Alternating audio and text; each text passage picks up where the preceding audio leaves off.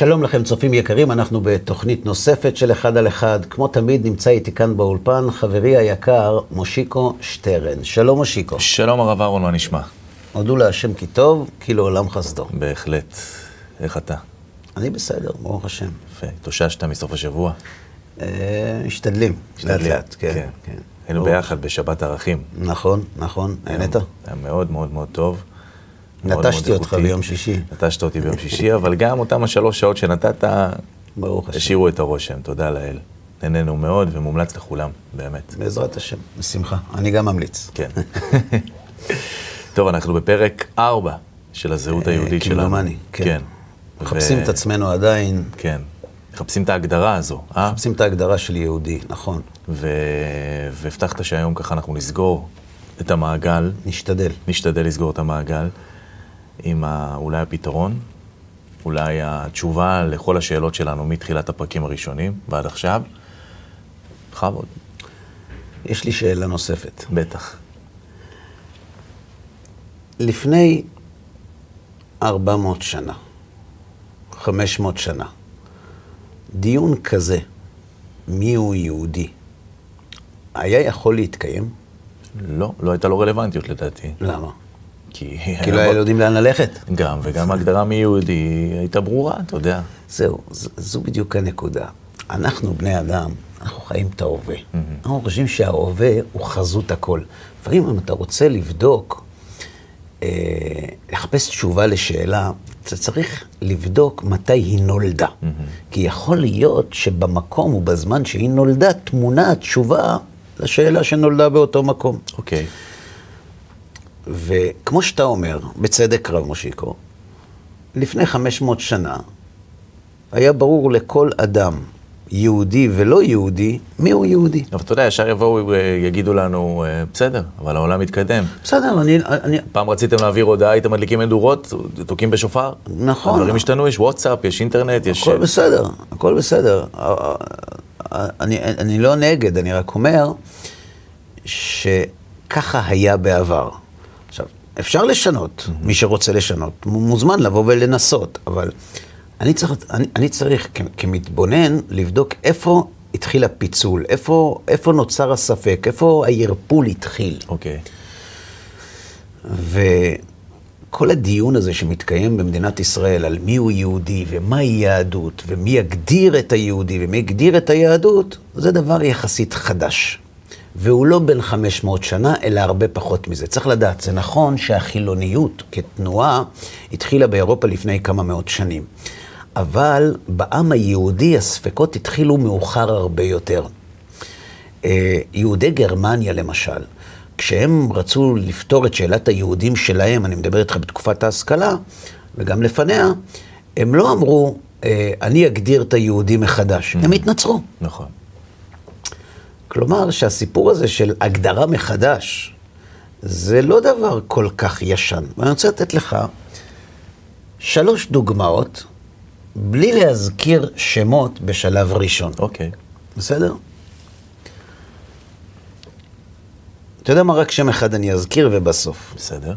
לעולם איני יכול לכבוש את התרגשותי בזוכרי את המחזות שראיתי בבית זקני החסיד, בימי האבל על חורבן ירושלים. זאת אומרת, אני לא יכול לשכוח את המחזה הזה של סבא שלי בתשעה באב. אז היה קורא עם נכדיו שהיה מושיבם עד חצות הלילה את אגדות החורבן והגלות, והיו עיניו זולגות דמעות, ויורדות על זקנו הלבן כשלג. ואף אנו הילדים לא יכולנו להתאפק אותה השעה, והיינו גועים בבכייה. זוכר אני מקום אחד מאגדות החורבן שהיה מסעיר את נפש סבא ונכדיו ביותר. כשהלכו בני ישראל אסורים בשלשלאות בשבי לפני חילו של נבוכדנצר בבלה. עברו בדרכם על פני קבר רחל אמנו, והנה קול ברמה נשמע, נהי בכי תמרורים, רחל מבכה על בניה, מענה להינחם. זאת אומרת, אתה רואה פה בן אדם שמתרפק בגעגועים על היהדות האותנטית, המדויקת, המקורית, שהוא ראה בבית של סבא שלו, למרות שהוא נטש והפך לסוציאליסט שמאלני, שרק עלילת דמשק הביאה אותו אל הציונות, וקראו לו משה הס. Mm-hmm. הוא לא היה דתי בכלל. אבל אם אותו היית שואל מה זה יהודי, למרות שהוא לא הגדיר את עצמו בכלל כאדם דתי, סביר להניח שהגדרתו את היהודי הייתה כהגדרתך וכהגדרתי. אוקיי. Okay. מקור נוסף. ב-1934 התפרסם שאחת מתנועות הנוער קבעה לעצמה מחנה קיץ שמתחיל בתשעה באב. היה איש אחד שזה מאוד הרגיז אותו. הוא גם לא היה דתי, תרשה לי לגלות לך. רחוק מאוד מזה. שמעתי, הוא כותב במכתב תגובה שנקרא חורבן ותלישות. שמעתי כי אחת מהסתדרויות הנוער קבעה את יציאת חבריה למחנה קיץ באותו לילה שבו מבכה ישראל את חורבנו, את שעבודו ואת מרי גלותו. אין להעלות על הדעת כי מישהו עשה זאת במתכוון. אין להעלות על הדעת כי הם עשו זאת מתוך ידיעה מה הם עושים. אולם, אי ידיעה זו כשהיא לעצמה מעוררת מחשבות נוגות על רמתם התרבותית ועל ערך פעולתם החינוכית של כמה ממדריכי הנוער. מה ערכה ומה פריה של תנועת שחרור שאין עימה שורשיות ויש עימה שכחה. כלום היינו עוד מסוגלים כיום הזה לתנועת תקומה, לולא היה עם ישראל שומר בליבו בקשיות עורף קדושה את זכר החורבן, הוא שואל? איזה עתיד יש לנו אם אנחנו בונים עתיד ומחריבים את העבר? אפשר לבנות חדש? הוא שואל. היינו יכולים לבנות חדש אם לא היינו זוכרים בקשיות עורף את זכר החורבן, וזוכרים זה כמו החרדים. Mm-hmm. לזה הוא התכוון. אתה יודע איך קראו לו? ברל כצנלסון. וואו. כן. זאת אומרת, הוא לא גדל בבני ברק, והוא לא היה בא לחפש מעניין באיצקוביץ'. נכון. אבל גם הוא הבין שיהדות זו תורת ישראל, ושאי אפשר להתעלם מזה, ואסור להתעלם מזה, כי ההתעלמות מזה תביא בסופו של דבר חורבן. השלישי הוא בן גוריון. איך כשאומרים בן גוריון, מה, מה הטייטל שאתה נותן לו ישר מול העיניים? מה? כאילו, מה בן גוריון בשבילך? ראש הממשלה הראשון, הציוני. מקים. מקים המדינה. נכון. ממקימי המדינה, כן. מקים, מכריז העצמאות. כן. זאת אומרת, המזוהה ביותר, למרות שהיו כאלה לא פחות ממנו, נכון. המזוהה ביותר עם הקמת המדינה. הקול שלו נחקק שם. כן. בה, כן. בשנת 1963, הוא הרצה בפני יהודים בשוודיה. אוקיי. ביידיש. מאוד לא אהב יידיש בן גוריון. אבל דיבר ביידיש, כי כנראה שזו הייתה השפה היחידה שחיברה את כולם. Mm-hmm. רוצה לשמוע מה הוא אמר להם? נו. זה שהקים את המדינה. כן. אני קודם כל יהודי ואחר כך ישראלי. הנאמנות הראשונה שלי היא לעם היהודי. ורק אחר כך למדינת ישראל. כלומר, אם העם היהודי נמצא בסכנה שמדינת ישראל מסכנת אותו, אם, אם, אם תיתכן אפשרות כזאת, אני לצד העם היהודי, לא לצד המדינה, למרות שאני הקמתי אותה. Mm-hmm. מדינת ישראל, כך אמר להם בן גוריון, נוצרה עבור העם היהודי, ולכן יש חוק בישראל שלפי דעתו של בן גוריון לא קיים באף מדינה, והוא נקרא חוק השבות, ולפיו אומר בן גוריון ביידיש. כל יהודי שמגיע לארץ ומצהיר שהוא רוצה להתיישב בה, הוא הופך באותה שנייה לאזרח עם כל הזכויות והחובות. לא המדינה, אומר מקים המדינה, אני מצטט, לא המדינה מעניקה ליהודי את הזכות לארץ ישראל. אלא הזכות שמושרשת בכל יהודי לאורך ההיסטוריה, היא שיצרה את מדינת ישראל. ומסיבה זאת הוא מסביר, אני לא פוחד לומר שהנאמנות שלי היא קודם כל לעם היהודי. כי מדינת ישראל נוצרה כדי לשרת את העם היהודי ולא להפך. זאת אומרת, בעיני בן גוריון, משה הס, ברל כצנלסון, גולדה מאיר, מנחם בגין, כל האנשים האלה היהדות היא בסיס, גם אם הם לא היו דתיים וגם אם בהרבה מקרים הם נלחמו בה. הם לא היו צדיקים תמימים. אבל הם הבינו שבלי שימור היהדות הזאת, אין עם יהודי. והמדינה לא יותר חשובה מהעם היהודי, אלא הוא חשוב ממנה. ולכן אם יהודים עושים תנועת נוער שמתחילה בתשעה באב, זו תלישות וחורבן. ולכן משה הס, הסוציאליסט, השמאלני, התרפק על זיכרונות מבית סבו, סבא שלו גידל אותו, כן. הוא גדל בבית של סבא שלו. התרפק על הזיכרונות האלה כי הוא הבין שגם אם הוא לא כזה, חייבים לשמר את זה. בשנים האחרונות, 60 השנים האחרונות, מאז בן גוריון דיבר בפני יהודי שוודיה ועד היום, קרה דבר. תראה, יש כאן שאלה גדולה מאוד. הרי כולנו מסכימים שיש היום מאבק על הפרשנות ליהדות, ל- ליהודי ולכל זה. עכשיו, יש כאן דבר מאוד מעניין. לכאורה ממה שאנחנו מדברים ברור, שכל מי שהיהדות נמצאת בציפור נפשו, גם אם הוא לא דתי, כן, אמור להיאבק עבורה. עבורה ולהילחם באלה שמנסים לשנות אותה. נכון. וזה באמת ככה, אבל במציאות מה שאתה רואה, זה שכאשר תוקפים את החרדים, שבעצם משמרים את היהדות האותנטית שאליה התגעגע משה הס וברל כצנלסון, גם ביאליק אגב,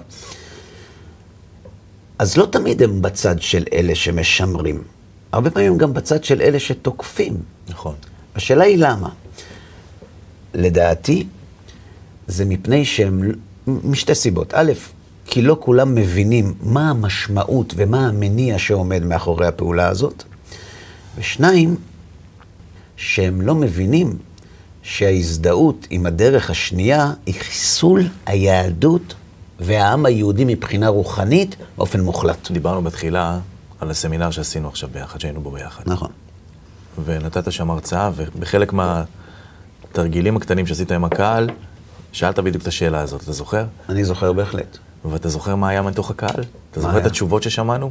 כן. הייתה את אותה גברת שאמרה לך שיהודי הוא מי שמרגיש יהודי? כן. שזה בערך התשובה שש- שהעלינו כאן בשבוע זה מה שעבר. שבר יהודה אמר נכון. ל- לאנשי נכון. משרד והיה רשות. האוכלוסין. את כן. האדון הנכבד המבוגר, שאמר שזה עד שלוש דורות אחורה צריך להיות אבא ואמא נכון, יהודיים, נכון? נכון. בעצם, אתה שמעת פה עכשיו אנשים שלדעתי, מתוך ליבם, הם באמת רוצים מה שאני ואתה רוצים. רק את ההגדרה עצמה, הם לא יודעים, כי תקרא לזה אולי, הם ניזונים, אה, הם שטופי מוח, הם אה, כל דבר אחר שאתה יכול להגדיר אותו בצורה שבה באמת אתה יכול לא להאשים אותם במה שהם אוחזים בו כרגע, כי הם אוחזים במשהו שהם בעצמם לא מבינים עד כמה הוא לא נכון ולא בר קיימא. נכון, אני מסכים איתך, ועכשיו אני חוזר לתחילת הדברים שלנו. נקודת השבר שגרמה להתפצלות בין הברור ללא ברור, בין הבהיר למעורפל, זו בעצם מה שמכנים היום הדת הפרוגרסיבית.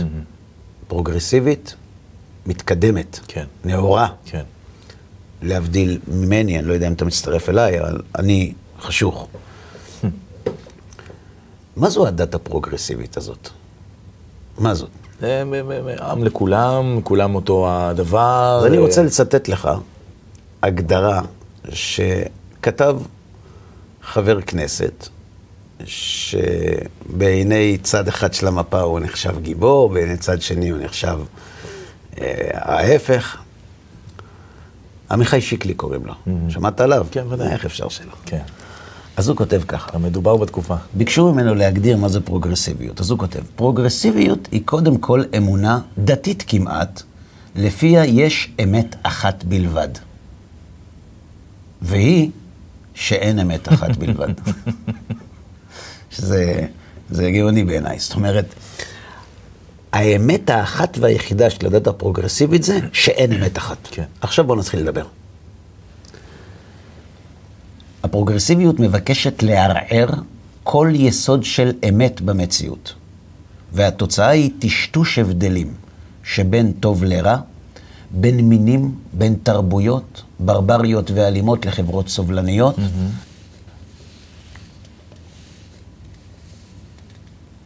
משפחה, יהודי, שבת וכולי. זאת אומרת, כל מיני כל מיני דברים שפעם היו ברורים. זאת אומרת, פעם ידעת שמשפחה זה אבא, אימא וילד. עכשיו, עם יד על הלב מושיקו, אנחנו שנינו חשוכים, אבל אף אחד לא שומע אותנו. כשאתה עומד היום מול אנשים ואומר, בעיניי משפחה זה אבא, אימא וילד, אתה כאילו בבעיה. אתה בבעיה. כן. מה קרה? איך קרה הדבר הזה? איך אדם שנולד גבר ומת גבר, הוא לא תקין? זאת אומרת, איך קרה דבר כזה? מה קרה? זה לא עוד ערוץ, זה לא משהו שולי, זו ליבת העניין. הדת הפרוגרסיבית יש לה כהנים, והם מאמינים שמי שרוצה לחיות בעולם טוב, הם לא עושים את זה מרוע, מי שרוצה לחיות בעולם טוב צריך להרוג את האמת. יש לדת הזאת שם עתיק, הוא נקרא בעל פאור.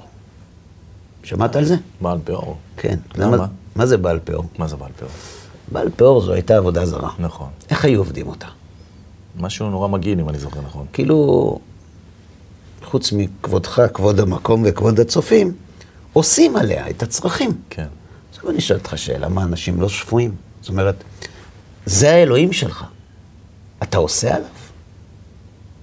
מה זו הדת הזאת? הפרוגרסיביות. למה?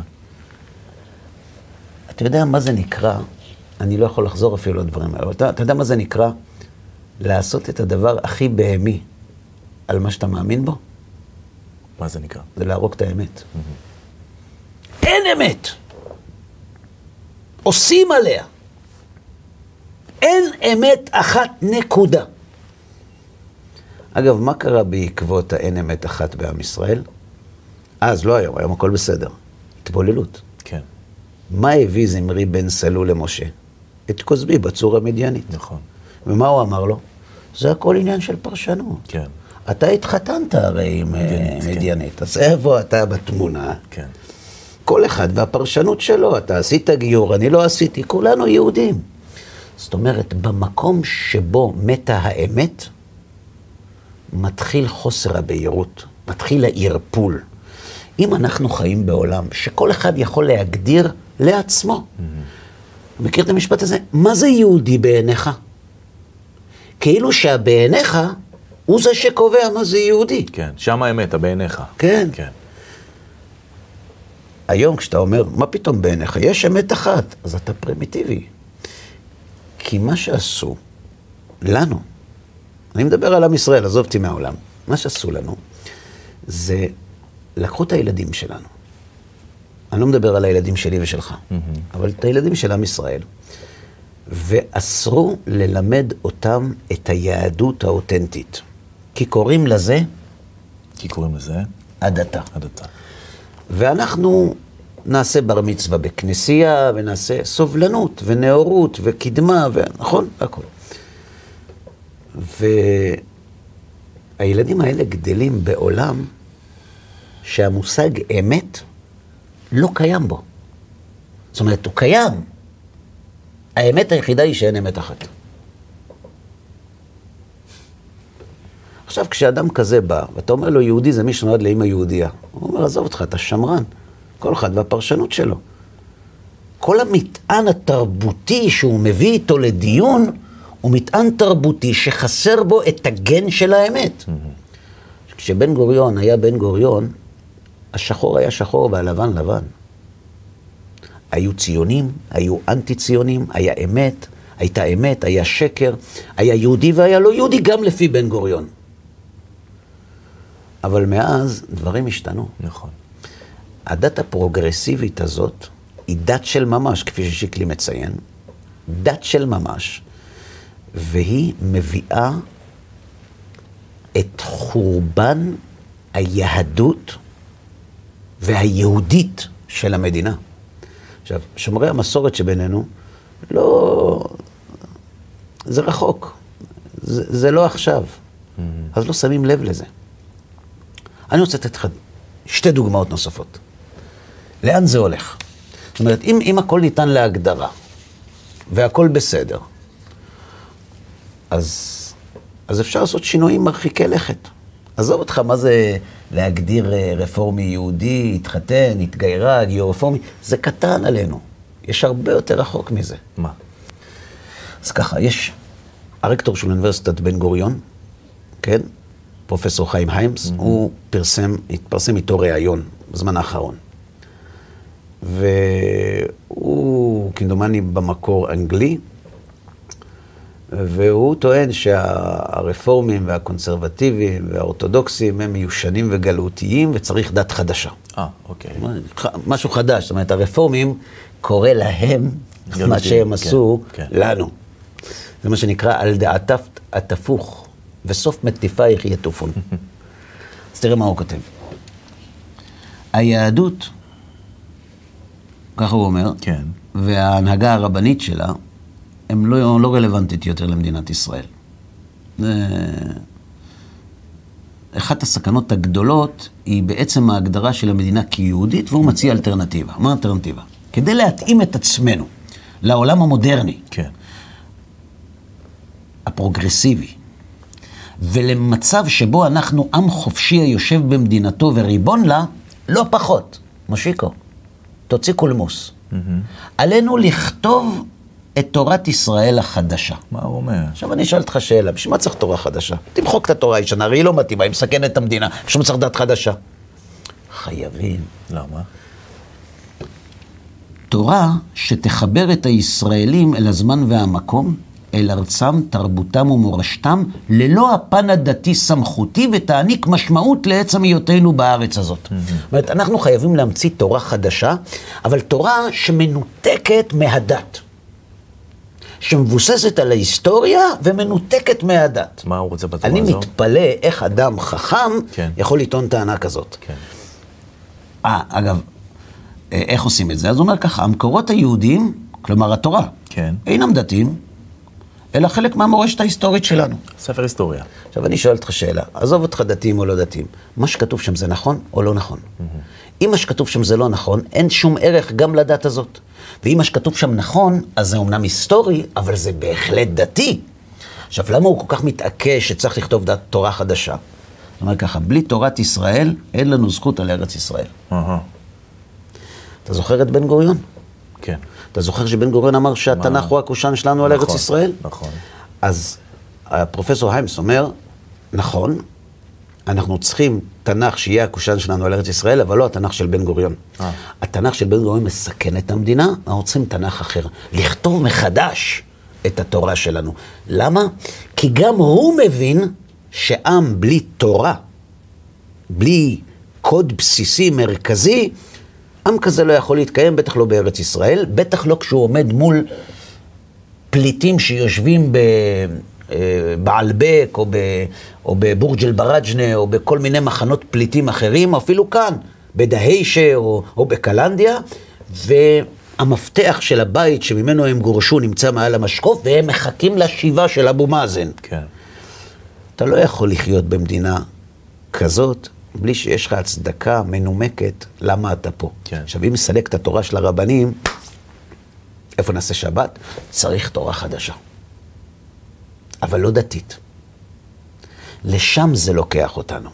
זאת אומרת, הפרופסור הזה לא היה יכול להגיע למסקנה הזאת בלי הרוח הגבית של הדת הפרוגרסיבית. כלומר, אם הכל נתון לפרשנות, אז למה שלא ננסח את? התורה. לכתוב את התורה מחדש. כן. אם הוא היה מגיע לפני 500 שנה ואומר לגולי ספרד, עזבו אתכם, בואו נכתוב מחדש את התורה. הם היו מסתכלים עליו וממשיכים לנמל. כי באותם ימים היהדות הייתה אמת, ברורה. ואמת ברורה נכון מאוד. והיום היא נשארה אמת, רק שהאמת מתה. אז אם אין אמת, כשאתה אומר שהיהדות היא אמת, אתה חשוך, מנשק מזוזות, משתטח קברים וכל מיני כאלה. ואת זה שומרי המסורת שבינינו, שהם יהודים יקרים ואוהבים את התורה, לא תמיד יודעים. הם לא יודעים לאן זה לוקח אותם. אני אשאל אותך שאלה, מושיקו. אם... איפה גדלת? קריית גת. בקריית גת. יהודי מרוקאי בקריית גת, לא דתי, אבל שומר מסורת, אתה יודע, הולך לבית כנסת, עושה קידוש. אה, רוב העיר בזמני. כן, אתה מבין? כן. אולי אפילו צם בכיפור ובתשעה באב, נכון. אם תגיד לו שהדרך הזאת שהוא מחזיק בה כדי להיות מתקדם, תגרום לנכד שלו להתחתן עם לא יהודייה. שואל אם קונה או לא קונה? לא קונה. לא קונה. בטח שלא. אז פה נמצאת בדיוק הנקודה. עכשיו, אתה יודע מה גורם את זה? אני, אנחנו, הדתיים, החרדים. למה? אני אגיד לך למה. כי החרדים מתנגדים להפרדת הדת מהמדינה. וכיוון שמתנגדים להפרדת הדת מן המדינה, הם מקוממים עליהם גם אנשים שבמקור הם שומרי מסורת. למה? כי המסורת חשובה להם, והם רואים שיש אנשים שמזלזלים בתורה ובמסורת בגלל החרדים שמתנגדים להפרדת הדת מהמדינה. אז בגלל שהם אוהבים את המסורת, הם רוצים שהדתיים ייפרדו מהמדינה כדי שהמסורת שלהם לא תיפגע וכדי שהיא תישאר רלוונטית. חיה ותן לחיות. נכון, והם לא יודעים שזה שהחרדים מוכנים להתבזות, זה בשבילם. זה כדי שהנכדים שלהם יתחתנו בחתונה שהם יוכלו להגיע אליה. את זה הבינו משה הס, כצנלסון, בן גוריון, מנחם בגין, גולדה מאיר, כל כך מוטרדת. ממה? מזה שלמרות שקמה המדינה יש התבוללות, וזה מטריד אותה המטריד בה"א הידיעה. הדת הפרוגרסיבית הזאת אוכלת כל חלקה טובה מבחינה יהודית. כי, תראה, היהדות היא כמו דג, ודג צריך אקווריום. ברגע שאתה מוציא לו את המים, הוא מת. נכון. היהדות חיה רק בעולם שיש בו אמת. בעולם שאין בו אמת, היהדות הופכת להיות בטלה חס ושלום ומבוטלת. אין לה קונים, אין לה מבקשים, הרי אין אמת אחת. נכון. וזה, בסופו של דבר, אם אנחנו מסתכלים, זה מה שגרם למצב העגום של יהודי ארצות הברית. לא רק של ארצות הברית, של כל העולם. אבל הרפורמים הם לא רצו לקעקע את היהדות. לא. הרפורמים ביססו את תפיסתם על הפרוגרסיביות הזאת, על הקדמה, על האין אמת, על הכל נתון לפרשנות. על תורה חדשה. בכנס היסוד של התנועה הרפורמית, מדבר איתך יותר ממאה שנה כמדומני, בסנט לואיס, אני חושב, התפריט היה צפרדעים בחמאה. באמת? כן. ואז אפילו רפורמים יצאו נגד זה והתקוממו, איך אתם עושים דבר כזה? כי אז הרפורמים עוד היו... אוכלי כשרת. כן. זאת אומרת, הם לא היו מספיק פרוגרסיביים. כן. אבל לאן זה הגיע היום? שרביי רפורמי יכול לחתן יהודי עם לא יהודייה והכל בסדר. לא, לא, לא, לא גיור רפורמי. ככה, כמו שזה. כמו שזה, אורגינל, זאת אומרת, למה לא? למה לא? זאת אומרת, אם הכל נתון לפרשנות, אז למה לא? אתן לך דוגמה נוספת. השבוע שר החוץ של מדינת ישראל השתתף בכנס שכותרתו המאבק באנטישמיות, והוא אמר שם דברים שמאוד הרגיזו הרבה מאוד אנשים. נכון. הוא עשה לאנטישמיות את מה שהרפורמים עשו ליהדות. הוא עשה פרוגרסיב- פרוגרסיביות לאנטישמיות. הוא הגדיר אותה מחדש. כן. הוא אמר ככה, אנטישמים לא היו רק בגטו בודפסט. אנטישמים הם סוחרי עבדים שהשליכו לאוקיינוס עבדים כבולים בשלשלאות. אנטישמים הם בני שבט ה- ההוטו, כמדומני, שהרגו את בני שבט הטוצי באפריקה. אנטישמים זה דאעש ובוקו חרם. אנטישמים זה מוסלמים שבעשר שנים האחרונות הרגו יותר מ-20 מיליון אנשים מבני עמם. אנטישמים הם כל אלה ששונאים אחרים לא בגלל מה שהם עושים, אלא בגלל מי שהם. פחות או יותר אלו המילים. מה ירדו עליו? מה זה הכחשת האנטישמיות? מה אתה עושה? בשביל מה הבעיה? כל אחד וההגדרה שלו. כן. אם יהודי יכול להיחשב יהודי למרות שהוא נולד לאימא לא יהודיה רק בגלל שהוא שירת בצבא, אז למה שהאנטישמיות תהיה שייכת רק ליהודים? למה שלא נגדיר אותה מחדש? אתה יודע מה יקרה למדינת ישראל אם הפרוגרסיביות תשלוט בכיפה, קודם כל חוק השבות יתבטל, ואם לא, הוא יהיה ריק מתוכן. כי אם רק יהודי, כמו שאמר בן גוריון בפני יהודי שוודיה, יכול לעלות לארץ ולהביע את רצונו להישאר, ובאותה שנייה הוא הופך לאזרח, ויהודי זה כל מי שנחליט שהוא יהודי רק כי החלטנו, mm. אז חוק השבות מרוקן מתוכן. נכון. עכשיו, אם הוא מרוקן מתוכן, אז כבר אין מדינה יהודית. כי יהיה כאן רוב לא יהודי, וכשיהיה כאן רוב לא יהודי, אנחנו יודעים איך תראה מדינת ישראל מבחינה יהודית. ולזה מתנגדים רוב שומרי המסורת במדינת ישראל, רק שהם לא עושים את החיבור הזה. כן. ההגדרה מחדש מתאפשרת בעולם שבו אין אמת אחת. ואנחנו אה, מכורים לשיטה הזאת כבני אדם, כי היא מאפשרת לנו מרחב תמרון אדיר. חופש. בדיוק, כן. חופש. היא נתנה לחופש גושפנקה אידיאלית. נכון. זה בסדר חופש, אין הגדרה, אין אמת אחת. אז מי אתה שתחליט בשבילי מי זה יהודי? היהודי זה כל מי שנולד לי עם היהודי. זה התיק, תתקדם.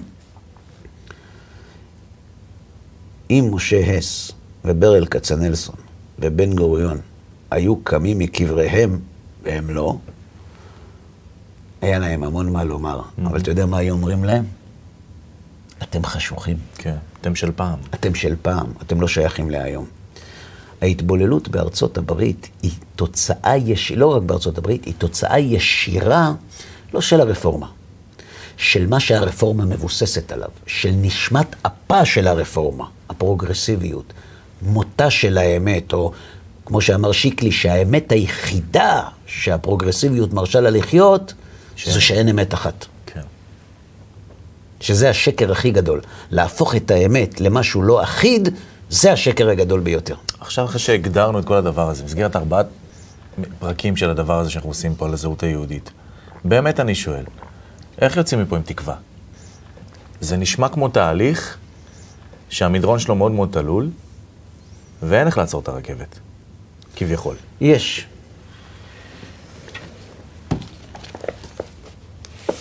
פרופסור לאו שטראוס, הוא לא היה אדם דתי. הכותרת של התוכניות שעשינו, ארבעת התוכניות, זה למה להישאר יהודי. Mm-hmm. מאיפה הבאנו את זה? מפה. מה הכותרת כאן? מדוע אנחנו נשארים יהודים? מדוע אנו נשארים יהודים? חשבת פעם על השאלה הזאת, למה להישאר יהודי? כאילו, השאלה הזאת מתבססת על הנחה שלהיות יהודי זה לשלם מחיר גבוה, וצריך לעשות הערכה מחדש, אולי כדאי להתקדם. פרופסור לאו שטראוס היה פילוסוף. הוא היה יהודי גרמני שברח mm-hmm. מגרמניה לארצות הברית. והוא כותב כך, לא, לא נקרא את הכל, רק כמה ציטוטים קצרים. מהכותרת הראשית, זה בעצם שכתוב של הרצאה שלו. מהכותרת הראשית, אגב, התת-כותרת, מדוע אנו נשארים יהודים, מה התת-כותרת? כישלון ההתבוללות בעבר ובהווה.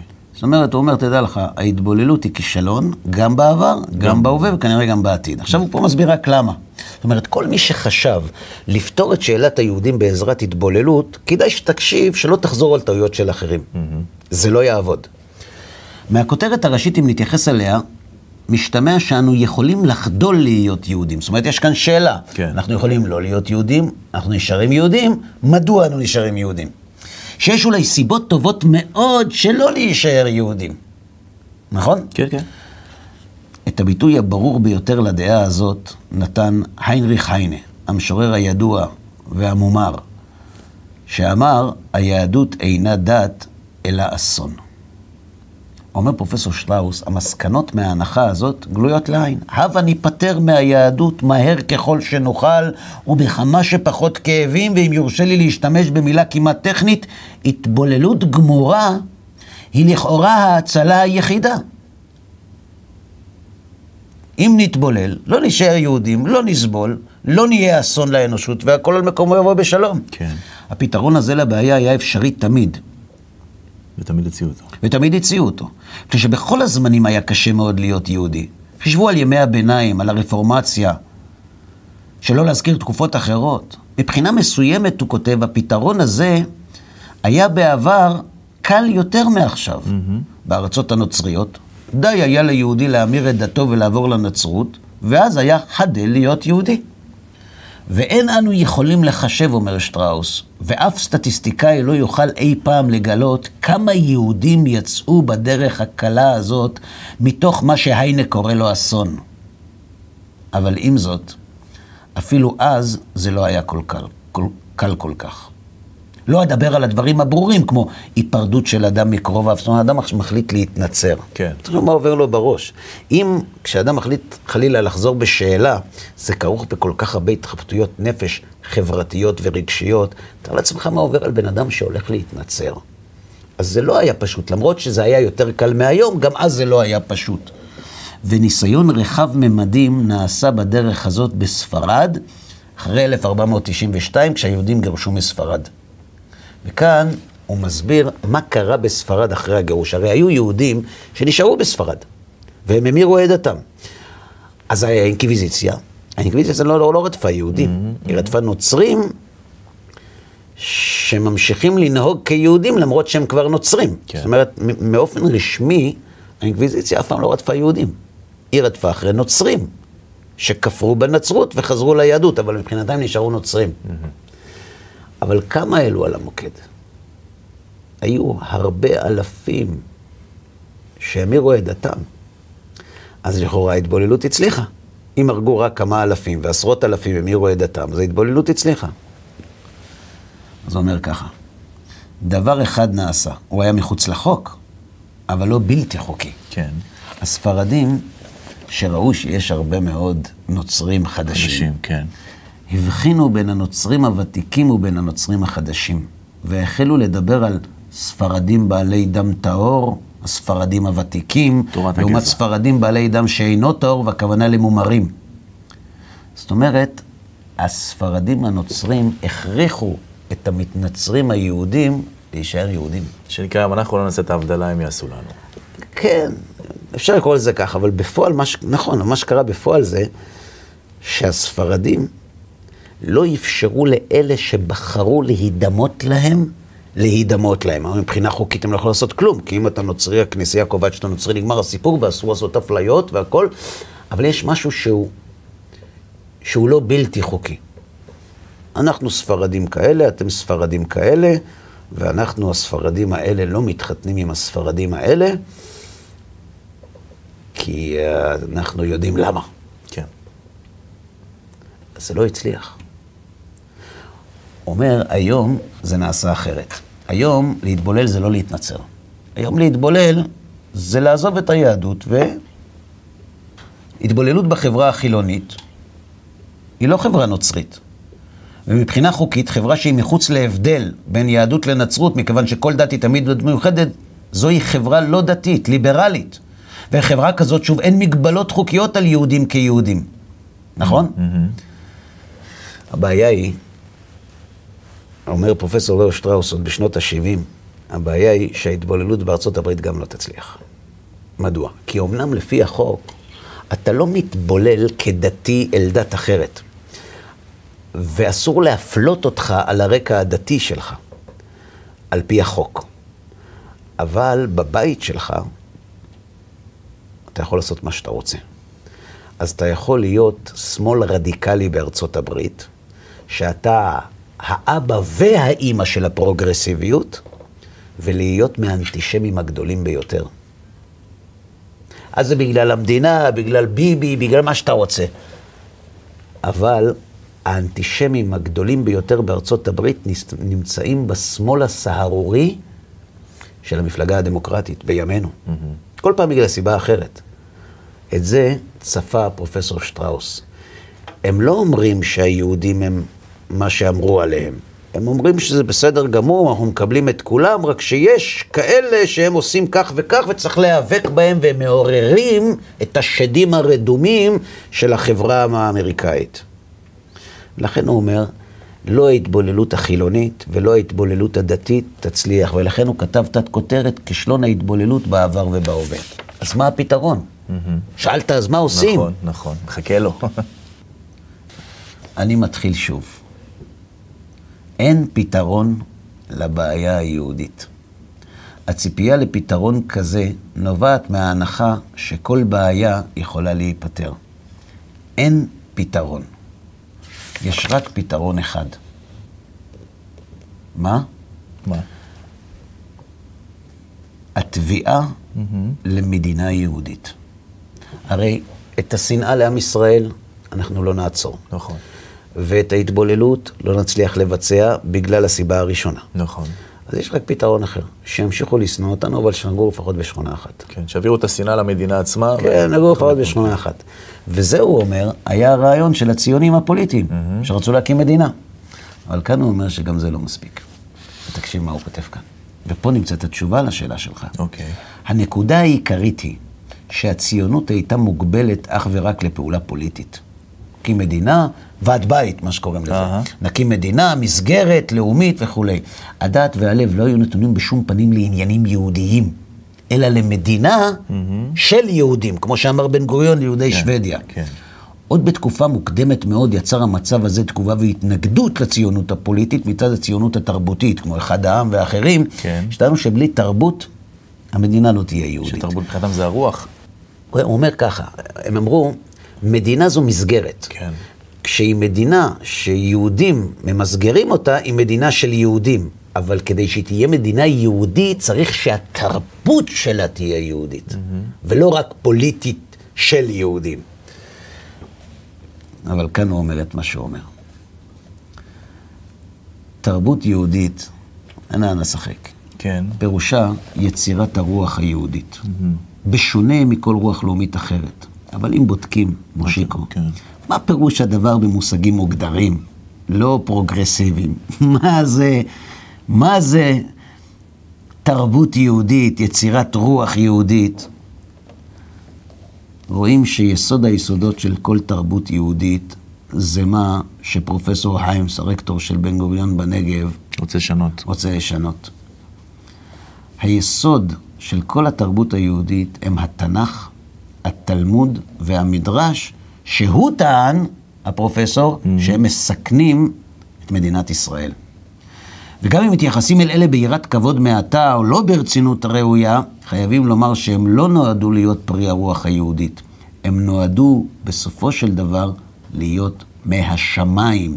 וזהו לב ליבו של העניין. זאת אומרת, אם אתה אומר, התורה היא יפה, זה, נצטט ממנה בפסקי דין בעליון פסוקים ו...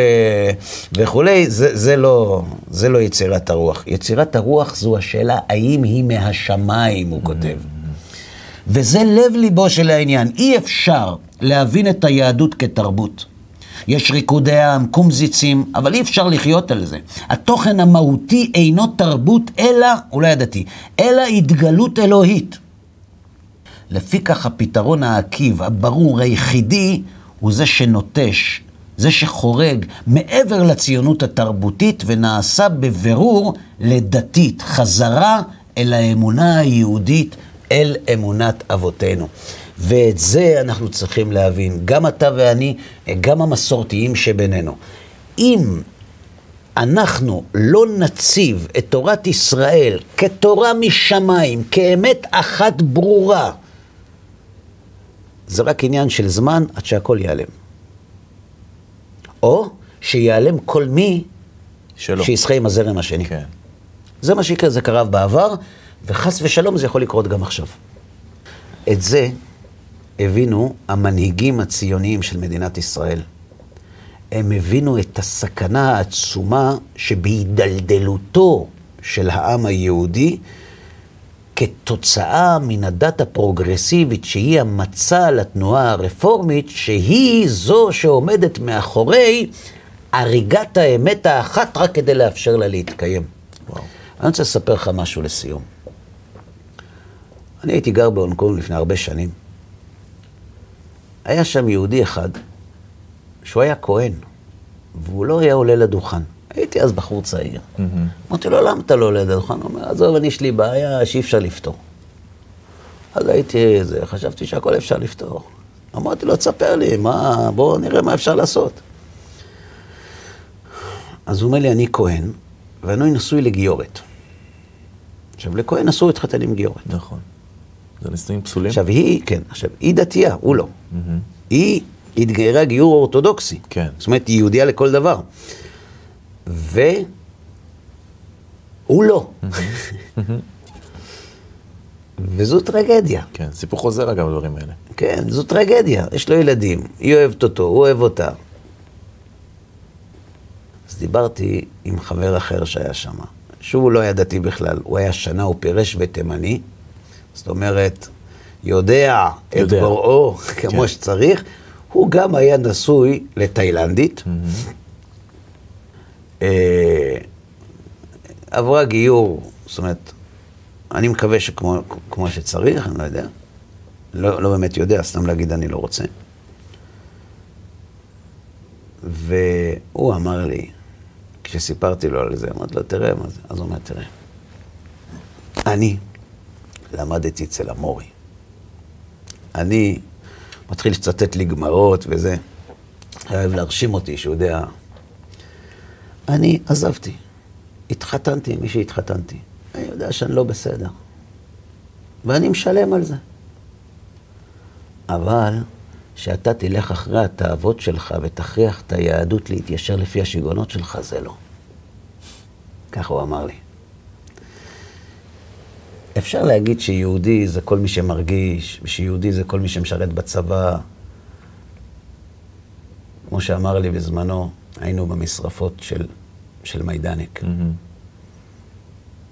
ועמדנו שם, סוף המסע במיידנק, מטלטל. עמדנו שם. ואמרתי להם ש... שאלתי אותם, מה זה יהודי?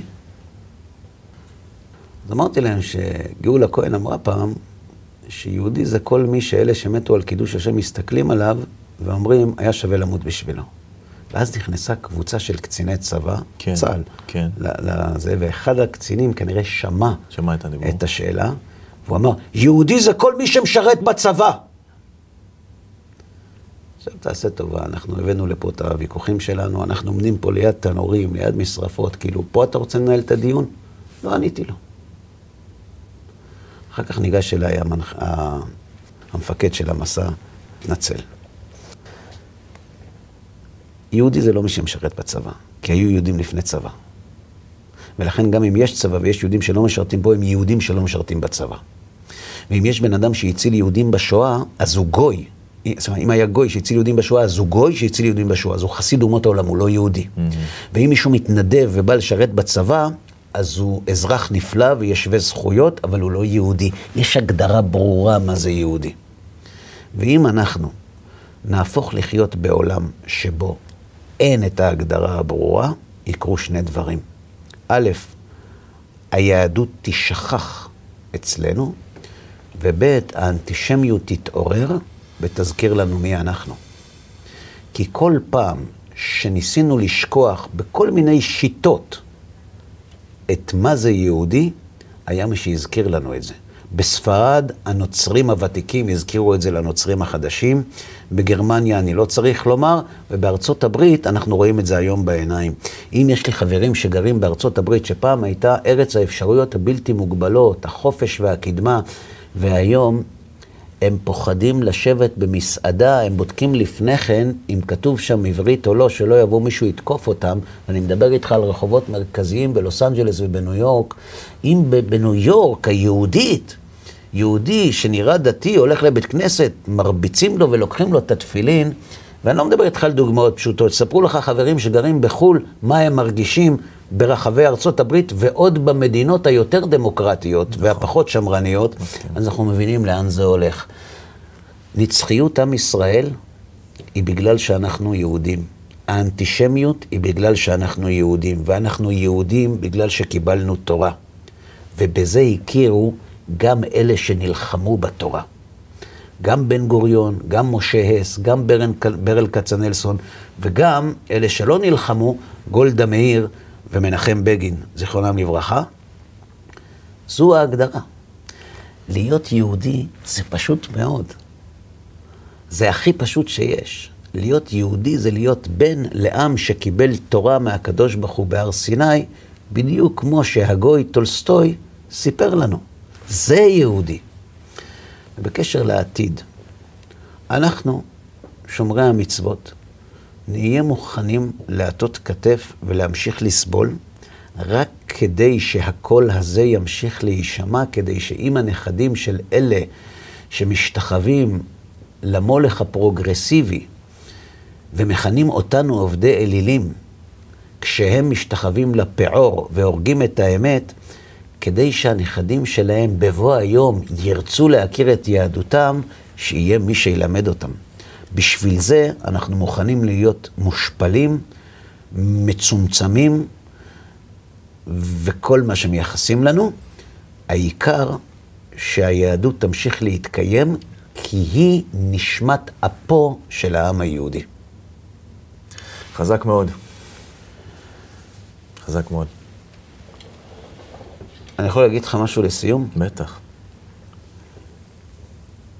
נצחיות עם ישראל היא התקווה. מושיקו, לא משנה מה יהיה. העם היהודי כעם ימשיך להתקיים. אם השואה לא הכחידה אותו, אם האינקוויזיציה לא הכחידה אותו, אנחנו סוג של נענה, mm. אף אחד לא יכחיד אותנו. וכיוון שאף אחד לא יכחיד אותנו, וכיוון שהתורה לעולם לא תשכח, תמיד יישארו יהודים ותמיד תישאר תורה. ואם תמיד יישארו יהודים ותמיד תישאר תורה, תמיד יהיו יהודים שישמרו על התורה כדי להזכיר לאלה שרוצים לחזור אליה איפה נמצאת האמת של היהדות. אז אם רצית תקווה, הנה קיבלת אותה. קיבלתי בגלל. ובחינם. בטח. תודה רבה, מושיקו, שהגעת לכאן לעוד תוכנית. תודה רבה גם לכם, צופים יקרים, שהשתתפתם איתנו בתוכנית נוספת של אחד על אחד. אנחנו מאוד מקווים שהדברים היו לתועלת. בעזרת השם נשמח, יחד איתכם, להשתתף כאן בתוכניות נוספות. כל טוב לכם.